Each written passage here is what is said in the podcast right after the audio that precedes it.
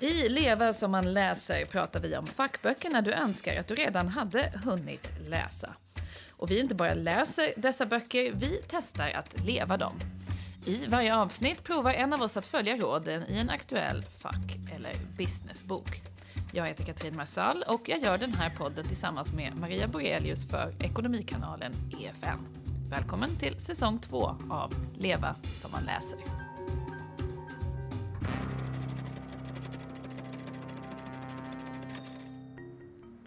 Ja, Maria, jag är ju en person som, som du vet, aktivt undviker det här att behöva bli chef av massa olika skäl. Jag blev tvungen att vara chef ett kort, en kort period och har sedan dess fortsatt att undvika det. Um, kan man bli en bättre chef av att läsa en bok? Det är en jättebra fråga och jag har varit chef några gånger i livet och tycker att det är svårt. Frågan är om man kan läsa sig till nya strategier och gott chefskap. Eh, och den boken vi ska prata om idag, den tror ju det. det, det ja, den tror ju det. Precis. Björn Hedensjö, Helikopterfaktorn. Det här ser ut som en väldigt svensk bok. Eller det ser inte ut som en vanlig sån här hur man blir en bättre chef-bok. För att de titlarna tenderar ju att vara ganska amerikanska och managementiga på ett amerikanskt, lite sexigt sätt som jag tror kan skrämma bort många av oss svenskar. Men den här boken ser väldigt trygg och eh, mellanmjölkig ut. Det är liksom en eh, svenskt konferensbord av svenskt furu på omslaget tror jag och lite människor som sitter där och verkar ha ett ganska eh, tråkigt möte ja. om man ska vara helt ärlig. Um, vad är det här för bok? Ja, vad är det för bok? Det här är en bok, eh, en handbok kan man säga, en väldigt praktisk handbok för människor som inte är så storvulna och visionära i det här utan vill ha handfasta forskningsbaserade tips för vad som funkar som chef. Björn Hedensjö är ju en intressant person därför att han har själv varit med om massa jobbiga omställningar i den digitala åldern. Han jobbade på Dagens Nyheter som gjorde en stor digital transformation. Han var ansvarig för delar av den. Han fick ta i massa jobbiga situationer som ju digitaliseringen innebär. Sparka massa journalister. Sparka journalister och inte bara journalister utan andra trotjänare inom grafik och så vidare som hade varit på företaget länge. Och det är det han skriver här i början. Tänk dig att du är en ny chef, du kommer in på en avdelning, du känner inte medarbetarna men på grund av digitaliseringen så måste du gå in och kanske sparka en tredjedel, en fjärdedel av medarbetarna och det är ditt första chefsjobb. Det här är ju superutmanande och den här boken menar han då är till för, för dem som ska ta den här jobbiga situationen. Han gick ju från DN sen till att bli psykolog, men det där känner du bättre än jag för du känner ju honom, gör inte det? Precis, jag känner Björn Hedensjö och eh, ringde upp honom häromdagen för att fråga honom varför han skrev den här boken. Jag, jag, var, jag var chef i, i massa år i små och stora organisationer innan jag blev psykolog. Ja, så att, eh, jag hade någon här, eh, liten livskris när jag var pappaledig och så bara, gud, vill jag fortsätta med det här? Eh, eller ska jag göra något helt annat? Och så blev det något helt annat, nämligen att jag gick psykologprogrammet. Men då var det väldigt mycket med de här liksom ledarskapsglasögonen på eh, som jag som jag tillägnade mig av ny psykologisk kunskap. Alltså jag, jag, jag funderade tillbaka på eh, saker som hade hänt under mina, mina år som chef. Varför liksom vissa saker hade funkat och andra inte. Eh, och sådär. Och, och det var liksom många bitar som föll på plats. Och då, då tänkte jag så här, fan vad bra det hade varit för mig om jag hade haft den här kunskapen då.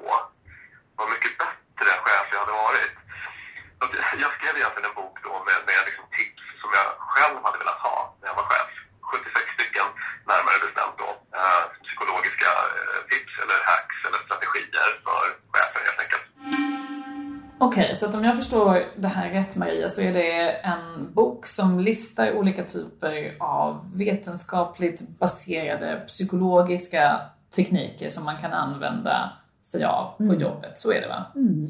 Det är som en lång lista här på olika principer. 76 stycken. Så mm. han börjar ju med något han kallar den hemliga hjärnan. Det vill säga att man som chef faktiskt måste förstå sig själv och det han kallar den hemliga hjärnan. Och det är ju vår gamla instinktiva miljon år gamla hjärna och hur man tänker på saker och att allt man tänker inte behöver vara sant utan att man ska lära sig att titta lite objektivt på sina egna tankar och utnyttja eh, det här att man faktiskt också kan vara en rationell människa och ställa sig frågan, är det så att medarbetare X verkligen är en idiot alltid eller är jag bara arg just nu? För att titta lite objektivt. Okej, okay, alltså, så jag har tanken medarbetare X är en idiot och då måste jag först vara medveten om att det är en tanke jag har. Det är en tanke. Och sen så kan jag då ställa mig utanför den och titta lite mer objektivt på den och då kanske när jag går in i ett möte med medarbetare X som för övrigt är en idiot så kommer jag hantera den situationen bättre. Är det vad han menar? Ja, han menar att om du får tanken om att medarbetare X är en idiot så ska man först säga till sig själv jag har en tanke om att medarbetare X är en idiot. Bara att säga så till sig själv flyttar bort mig från själva att vara i känslan att den här personen är en idiot. Det är ju en tanke jag har just nu. Och han menar att man kan gå ett steg till och säga jag noterar att jag har en tanke just nu om att medarbetare X är en idiot. Och att man kan ställa sig frågan, är det verkligen så? Är det verkligen så hela tiden? Eller har det varit så två gånger men kanske inte behöver vara så i en annan situation? Så det är ju den här gamla nästan från, från antiken att man måste ha självkännedom för att vara en bra chef. Och hans tanke då är ju att ju mer det brusar, ju mer information som kommer in, ju mer komplex verklighet man hanterar, ju större självkännedom måste man ha för att kunna titta på sig själv lite objektivt och göra det han beskriver med liksom det här helikopter, han pratar ju om helikopterfaktorn, kunna gå upp och gå ner, det vill säga lyfta upp sig själv och titta på den större situationen och inte hela tiden bara stå nere på marken. Just det, för det är ju titeln på boken. Så det betyder alltså, för jag tänkte när jag bara hörde det att det handlar om att så att säga se organisationen i ett helhetsperspektiv och inte fastna i att liksom bara hantera dag ut och dag in svåra, svåra detaljfrågor. Men det handlar alltså också om hur man ser på sig själv.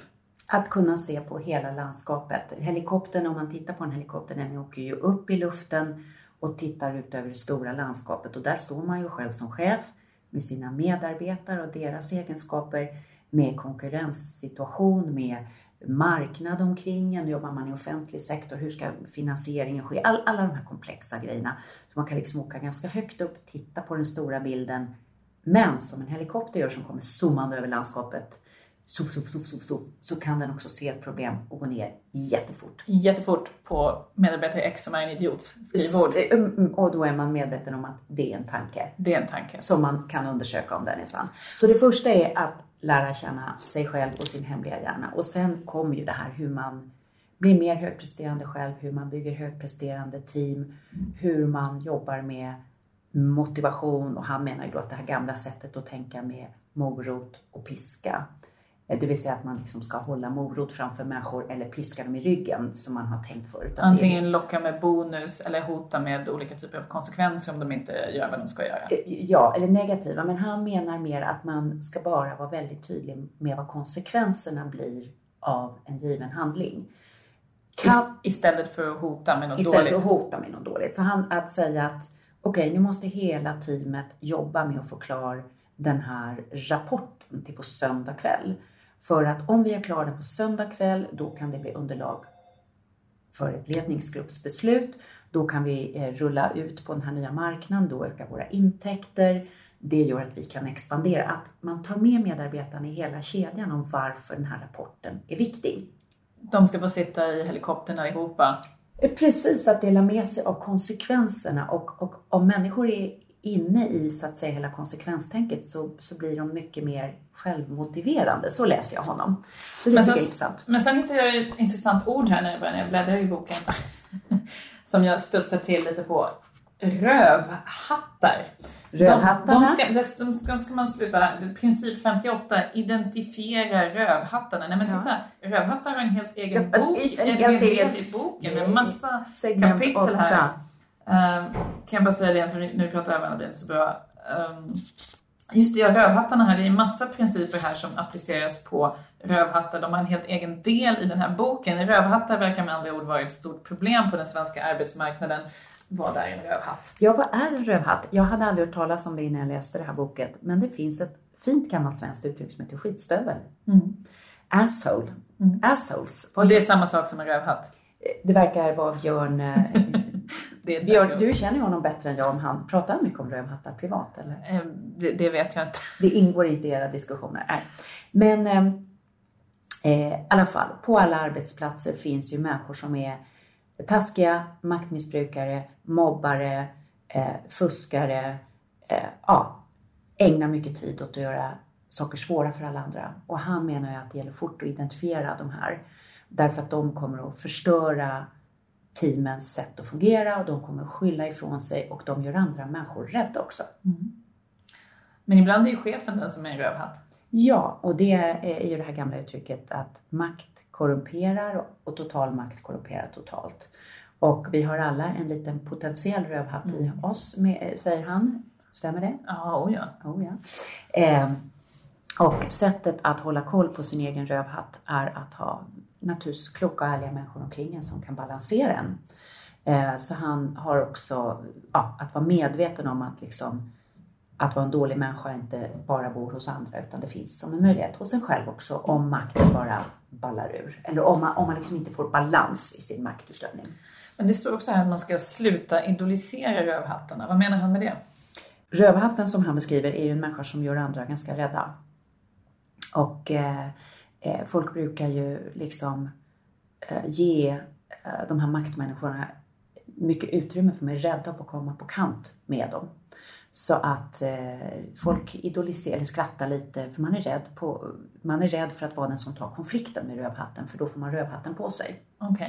så jag, jag tänkte också på det här att det finns ju chefer, eller väldigt kända chefer som också är rövhattar. Jag menar chefer som vi idoliserar väldigt mycket i vår kultur, alltså Steve Jobs till exempel som var väl ganska skulle många uppfatta det som en rövhatt gällande hur han behandlade folk ofta. Det kan ju vara någonting som vi också i vår kultur tar som en intäkt på någons genialitet. Att han, för det är oftast en han, är så stort geni så att därför så, så beter han sig på det här mm. sättet och vi låter folk komma undan med det. Är det också vad han menar? Eller?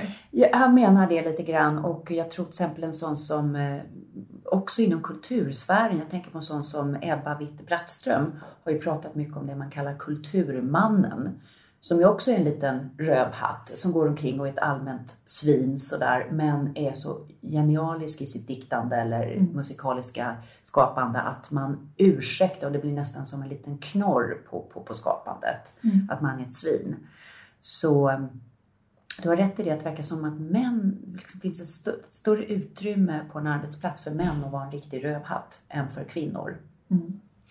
Onekligen. Men vad är det då? Den här boken lovar ju konkreta tekniker och det verkar nästan lite som en bok som man kanske funderar på kan ha på hyllan om man nu skulle ha oturen att bli chef och liksom lite använda som ett referensverk. Och... Mm, du skulle älska den här. Jag tror den är väldigt praktisk. Och du... så man kan liksom lite slå i den och om man har problem med till exempel om man behöver säga upp någon eller om man har problem med något annat så kan man hitta en princip eller ett kapitel ja. i den här boken då baserad på psykologiska verktyg som kan hjälpa en hantera det.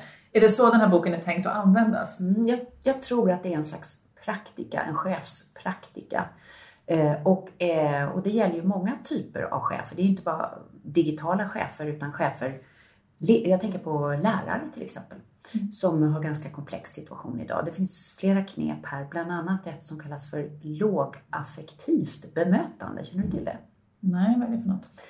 Eh, det är när man har medarbetare eller eh, elever eller så någon omkring sig som är stökiga, upprörda, förbannade. Vad gör man då när man är ledare? Ska vi ta ett exempel? Okay. Har du någonting som, du gör, som händer på jobbet som du bara blir så här tok skogstokig över? Ja. Nu, nu kommer jag på. Det är, ja, sitt nu ner Maria. Det är väldigt upprörande. Nu kommer, nu kommer det, nu kommer det. Det är när jag jobbar ju som journalist och ägnar en stor del av min tid åt att skriva, uh, göra intervjuer och skriva texter för tidningen. Och ibland har det hänt att någon redaktör har gått in och fetstilat mina frågor i intervjun. Och då blir jag naturligtvis rasande. För det här är ju fruktansvärt. Maria ser frågande ut. Nej men här har jag lagt ner tid på att få en text att fungera som en helhet och så tycker redaktören att man ska skriva frågorna i fetstil, vilket för det första är jättefult. För det andra är att idiotförklara läsaren, för det är klart de någonstans fattar om man kan skriva text, vem det är som är intervjuare och vem det är som svarar. Och jag blir, blir galen på detta. Ja, nu tittar jag på Katrin här med Björn Hedensjö-ögon och jag ser att hon är upprörd. Hon börjar röra på händerna. Hon är lite flammig på halsen, flammig på kinderna. det här är viktigt. Då ställer jag några sådana här frågor. Eh, är det säkert att det är så här, Katrin? Att de, att, men I det här scenariot så har du ju fetstilat frågorna i min text, eller hur? Mm, så det är säkert, ja. Mm. Vad innebär det för dig, Katrin? Ja, det innebär att du har förstört mitt hårda arbete, pajat min text, gjort bort mig inför mina läsare och allmänt brutit mot liksom alla ideologiska principer för skrivande som jag tror på och som får mig att vilja vara journalist. Så det är ganska, ganska tunga saker, säger jag då till dig, bekräftande din bild. Och sen eh, en till sån här fråga som Björn skulle ha ställt. Kan man tänka på det här på ett annat sätt? Nej, det kan man inte. Mm. Då känner jag att vi har en total låsning. Då går jag in i nästa, det lågaffektiva bemötandet. Då kommer jag fram till Katrin, jag drar min stol här.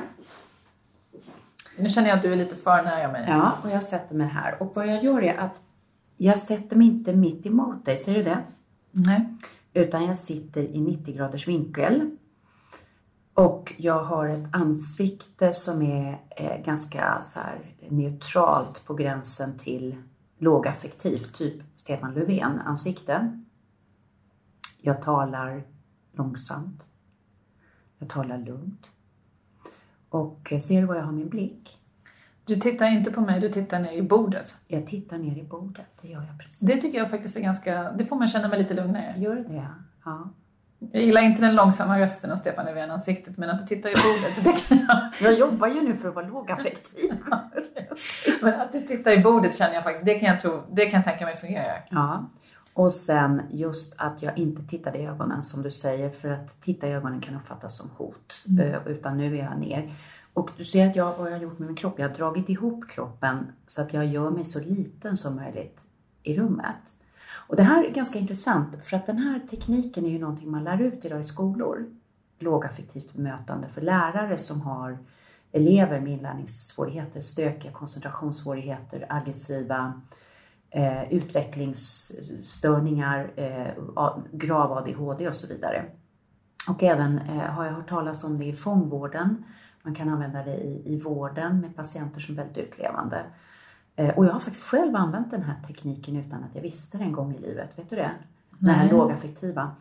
Eh, jo, när jag själv var ute och för länge sedan höll på att spela in en tv-serie om kvinnor som föder barn. För de är ju väldigt så känsliga vem som är inne i rummet. Och då gick jag in i lågaffektivt, krympte på golvet, ner, gjorde inget, att inte göra väsen av sig på något sätt. Och det var ett sätt att skapa trygghet i rummet. Ja, det kan jag tänka mig. Eh, jag födde ju barn ganska nyligen. Ehm, och eh, då var det faktiskt på det här sjukhuset ett tv-team och spelade in. Och när jag kom in där med väldigt mycket värkar och hade väldigt ont och jag är sån som blir tyst när jag har ont.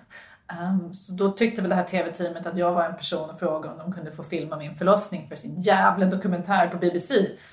Varvid jag ja, uttryckte detta, att de inte, absolut inte fick sitta i rummet och filma min förlossning på ett väldigt eh, aggressivt sätt tydligen. Enligt min man och alla typ. läkare som var där. Vad sa du då? Men jag kommer inte ihåg det. Men Eh, jag hade annat att fokusera på, typ att ett så här, mänskligt huvud höll på att liksom komma ut ur min vagina. Det är eh, samtidigt. Ganska, då får man vara en rövhatt. Ja, då får man vara en rövhatt. Mm. Eh, men jag funderar nu på om det här TV-teamet hade gjort som du då gjorde när du filmade förlossningar. Ja. Och liksom gjort sig små och ägnat sig åt den här tekniken som Björn beskriver om de kanske hade haft större sannolikhet att få filma min förlossning. Mm. Och var lågeffektiva. Ja, de hade nog kanske inte fått filma min förlossning, men jag kanske inte hade skrikit på dem så mycket. Nej, och det hade ju varit en vinst det också. Ja. Så det här, det här är intressant och det här tycker jag är, visar just på hur praktisk den här är. Alltså det här kan man verkligen sitta och plugga på om man ska in och ta ett möte med Katrin Marschall när hon är absolut toppförbannad över att man har fetstilat rubrikerna. Ja, det finns inget som hjälper mot det. Det är liksom man får bara säga upp sig. Man får säga upp sig. Man får säga upp sig. Det finns, det finns vissa saker. Gränsen går någonstans. Där går gränsen. Där går gränsen. Mm, men Så sen har, man, har, man, har han en annan intressant teknik som jag lärde mig av det här. Eh, som eh, han kallar för, nu ska jag se så jag får rätt ord, han kallar den för ambivalenskorset. Har du hört Okej. om den? Det låter lite katolskt. Det låter katolskt. Mm. Vad- Nej, vad är det? Jo, det är, eh, låt oss säga att du är en medarbetare som eh, har en självbild att du är en jättestor innovatör. Du vill sitta i innovationsteamet och spruta idéer. Eh, I själva verket så var du en fena på administrationsavdelningen. Du var jättebra på siffror och kolumner och Excel. Och alla skriker nu bara Katrin måste tillbaka till administrationen. Vi saknar henne där. Vi vill ha henne framför Excel åtta timmar om dagen. Åtta timmar om dagen stenhårt. Och de i innovationsteamet säger bara att Katrin är ett jättesänke. Men din självbild är fortfarande att jag är en ny Steve Jobs, jag är en innovatör och så vidare. Självklart, jag är en kreativ person. Man kan inte rymma min själ i, i ett Excel-dokument. Nej, precis. Jag vill, jag vill, och det är finare att vara kreatör än administratör. Allt det här. Och då kan man från den punkten ta den man pratar med genom en strukturerad frågeprocess som leder till att när personen själv vill och själv börjar fundera om den skulle må bättre av en förändring. Och då är det också, kan jag tänka mig, att en förändring blir mer hållbar om det är någonting som man uppfattar kommer inifrån en själv. Precis, man har fått formulera fördelarna med den. Det är inte någon jävla hälsoguru som har sagt åt en att man ska göra på ett visst sätt. Eller en rövhatt. Skämt. Men eh, Björn Hedensjö, som jag ju känner, han har varit på Harvard bland annat och studerat och har väl fått med sig lite saker därifrån, även om den här boken verkar vara väldigt fri från allmänna amerikaniserat management jingo. Heter det jingo? Vad heter det? Eller ja, lingo. Lingo. Lingo. Lingo. Lingo.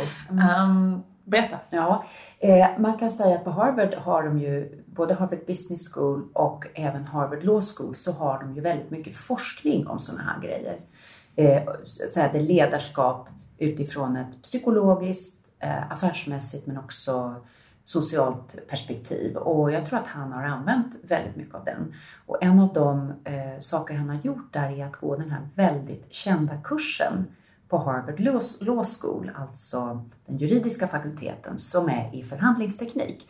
Och det här tyckte jag var lite kul därför att jag har ju en Den man. är ju världsberömd. Den är världsberömd. Den till och med turnerar, den Ja, den turnerar, tror jag. Det känner jag inte riktigt till, men jag har faktiskt en man som ska gå den snart. Eh, som förhandlar väldigt mycket i sitt jobb. Han jobbar i gränslandet mellan finans och media och eh, han har velat gå den här i flera år, inte haft tid och möjlighet och nu ska han göra det. Och han eh, ligger och pluggar massa litteratur på kvällarna inför den här. Så att det här kom ju väldigt lägligt att läsa om exakt vad är det de gör under eh, den här eh, förhandlingskursen och eh, Så att i Björn Hedensjös bok så får man med sig tips från den här berömda kursen. från den här berömda kursen. Och eh, den där kursens teorier används allt från i företag till i globala fredsprocesser. En av de berömda eh, fredsprocesser som man brukar använda som modell för det här är hur man slöt fred mellan Israel och Egypten. Vilket ju har varit en av de mest framgångsrika fredsprocesserna som man fick ett Nobels fredspris för. Begin och Sadat. En av hans tankar är att man ska gå från i en förhandling från att prata om principer där man nästan alltid börjar bråka till att prata Du får om... inte fetstila saker i min text. Precis. Till att jag vill fetstila saker. Till att börja diskutera intressen istället. Vad är det som ligger bakom det här? Och det här har jag ju testat med min man och jag ville testa det med honom innan han har gått kursen. Så för att se eh, på en sak som har irriterat mig eh, väldigt länge när det gäller honom och mig. Och då lät det så här. Ja, det är alltså kväll här nu i London och vi ska ut och gå en kvällspromenad.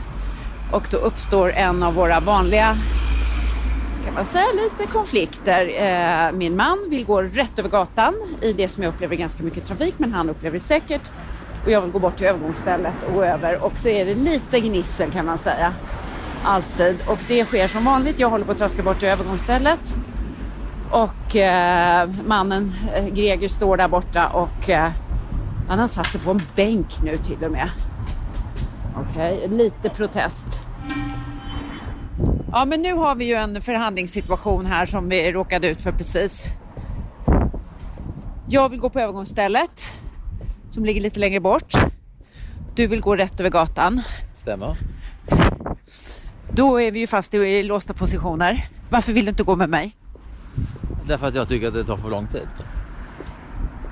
Okej, okay, så du vill gå på ett ställe och jag vill gå på ett annat ställe. Det är låsta positioner. Om vi försöker tänka då eh, Harvard Law School, alltså att utgå från våra intressen. Vad skulle du säga att ditt intresse är när du korsar en gata? Att komma över säkert. Men även ganska snabbt. Ja, det är intressant för att mitt intresse är egentligen bara att komma över, just om jag går en kvällspromenad som vi gör här. Ja. Eh, det är egentligen bara att komma över säkert i mörkret. Ja. Jag är uppenbarligen beredd att tulla lite grann på säkerheten. Ja. Inom rimliga gränser. Inom rimliga gränser. För att komma över lite fortare. Lite fortare. Ja. Okej, okay, så då våra intressen är du har säkerhetssnabbhet, jag har bara säkerhet. Ja, så kan man nog uttrycka det då. Ja, vad, vad, vad säger Harvard Law School? Vad gör vi då? Att jag går på övergångsstället med dig. Så att vi, då går vi båda på eller, eller ska vi gå någon... Ja, det finns ju ingen mellanlösning det eller? Ingen, det finns ingen mellanlösning. Antingen så är det ett övergångsställe eller så inte. Eller alternativet är att du väntar tills det är absolut ingen bil någonstans inom 500 meters radie. Ja. Då kan man betrakta det som lika säkert som att gå på övergångsstället. Men då hade du i det fallet eh, ändå gått på min eh, position, som, eller mitt intresse som var bara säkerhet. Ja, men jag tror du över, överskattar i sig övergångssäkerheten därför den bygger du på att folk stannar bara för att du går på övergångsstället. Men de gör det för mig. Jo, de gör det här i England ganska ofta men inte alltid. Nej. Okay. Så att man får vara liksom lika, eller inte lika, men man får vara ganska vaksam även om man går över ett övergångsställe. Man kan inte utgå från att föraren i bilen hela tiden accepterar den inställning du själv har när du går över övergångsstället. Det vill säga att här går jag och alla andra ska stanna. Okej, men om vi går tillbaka till vår förhandling. Har vi hittat nu en eh, kompromiss som blir egentligen att vi gör som jag vill? Är det det som är vår kompromiss? Ja, men kompromissen är ju att det är ingen principled negotiation utan det här är en soft position i en position, position, a bargaining position. Det vill säga att jag ger med mig till dig. Därför att det här är ingen dealbreaker för mig utan jag är mån om att du ska vara glad och lycklig och att jag vill gärna gå en kvällspromenad med dig. På samma ställe. okay. Tack vare Björn Hedensjös bok så gick ju du och tokvann den här förhandlingen mot din man. Ja, jag gjorde ju det och min man kunde ju då säga att det berodde på att han valde en soft strategi, en mjuk strategi. Eh, men vi gick ju från, eh, vi gick från principer till intressen och jag har nu fått med mig mannen att gå på övergångsställe när vi går på kvällspromenad. Jag har inte vunnit kampen om alla promenader, men just då har jag mm. vunnit. Och hur är det här då kopplat till, du nämnde freden, fredsförhandlingarna mellan Israel och Egypten. Det här är en otroligt känd kurs. Vad är det som är så unikt med den? Ja, och med de här principerna? Precis, man kan, det är ett jättebra exempel därför att efter eh, Israel och Egypten var ju i luven på varandra ända sedan staten Israel bildades. Egypten var en av de länder som var med och anföll eh, Israel så fort eh, det var bildat för man tyckte att det här beslutet från FN var felaktigt att bilda staten Israel. Och där har en av de så att säga, mest hållbara frederna slutits i Mellanöstern. Och då gick man in i de här förhandlingarna och Israel sa så här vi har blivit anfallna av er hela tiden. Vi måste också ha Sinai i öknen. Så man ville sätta gränsen till Egypten så att säga väster om Sinaiöknen. Egypten sa så här, Sinaiöknen tillhör oss. Sinaiöknen ska vara egyptisk. Det är två positioner. Ska Sinaiöknen gå till Israel eller till Egypten? Så började fredsförhandlarna borra i det här. Varför var det viktigt för Egypten med Sinaiöknen? Egypten gick in och sa att vi är en nybildad nation, det är de här områdena som har gått ihop. Sinai är en viktig del, så det var liksom nationell identitet kopplat till landsgränser. Okej, okay, det var intresset för Egypten. Intresset för Israel var säkerhet. Och då kände man att om de eh, egyptiska stridsvagnarna stod liksom där Sinaiöknen går in mot Israel så kände man en väldig oro. Lösningen på det blev att säga att Sinaiöknen tillhör Egypten geografiskt, nationellt, men blir en demilitariserad zon. Det vill säga det får inte finnas några eh, stridsvagnar, eh, några soldater i Sinai så att Israel kunde få liksom sin säkerhet och Egypten kunde få sina gränser. Och det var ett exempel på där man har lyft sig. Så att ett tips till dig det är ju att nästa gång du ska ha snack med din, eh, med din redaktör om de här feta, det är att gå från position fet stil eller inte fet stil till... Fet stil i ondska brukar vara min position. Ja, fet stil, det, det är väldigt konstruktivt. Mm. Eh, till att liksom gå vad är intresset bakom den feta stilen? För din, från din redaktörs sida. Och redaktören bör ju ställa samma sak till dig. Ja, de har väl ett intresse av att alla läsare verkligen förstår och kan ta till sig texten. Mm, tydlighet. Ja, och jag har ett intresse av att ingen petar i mina texter. Ja, men, men du skulle ju kunna ge Björn Hedensjös bok till din eh, redaktör och sen tar ni en ny förhandling om det här utifrån en intressebaserad... Ja, ja jag, får, jag får jobba på det här. Jag får jobba på det här. Eh, men det här låter ju onekligen väldigt, väldigt användbart för chefer som ju tar väldigt många förhandlingar och att man då kan få med sig lite Harvard-principer paketerade på detta mer svenska, lite i ja. boken här, eh, mellanmjölksätt. Vem ska då, vem är den här boken till för?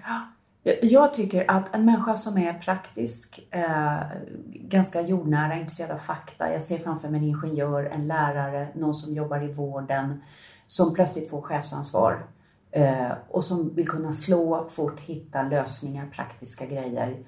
Så den är användbar så för väldigt många. Jag gav den till en av mina barn som eh, har jobbat, liksom är ung och ska gå från studier ut i jobb och han är väldigt just rationell. Han tyckte den var jättebra. Det är ingen, det är inget känslopjunk utan det är raka puckar, faktabaserat och väldigt handfast. Om man vill ha en sån här jättevisionär, så här ska universum utvecklas de närmsta tu tusen åren för en ny global harmoni, då är inte den här boken. Eh, och inte heller om man vill sitta liksom och bara dregla över någon sån här alfahanne som har eh, gjort jättestora mergers i Kina. Det är inte heller den boken. Utan det här, det här är jordnära praktiskt. Och väldigt värderingsstyrt också tycker jag. Svenskt helt Svenskt. enkelt. Svenskt. Ja, och slutligen Maria, hur skulle du definiera Björn Hedensjös chefsideal? Det är en eh, värderingsstyrd, genomärlig, faktabaserad, väldigt rationell chef, skulle jag säga. Mm, det låter ju någon som man skulle kunna tänka sig att jobba för. Ja, en, en, och jag skulle säga som många svenska chefer är och som gör att de funkar ganska bra i en global era. De svenska VDarna är ju populära sen ute i globala företag. För det är en chefstyp som funkar i många olika typer av kulturer. Du har hört Leva som man läser. Nästa avsnitt släpps om två veckor. Ansvarig utgivare är Anna Fagerström och Leva som man läser görs för Ekonomikanalen EFN.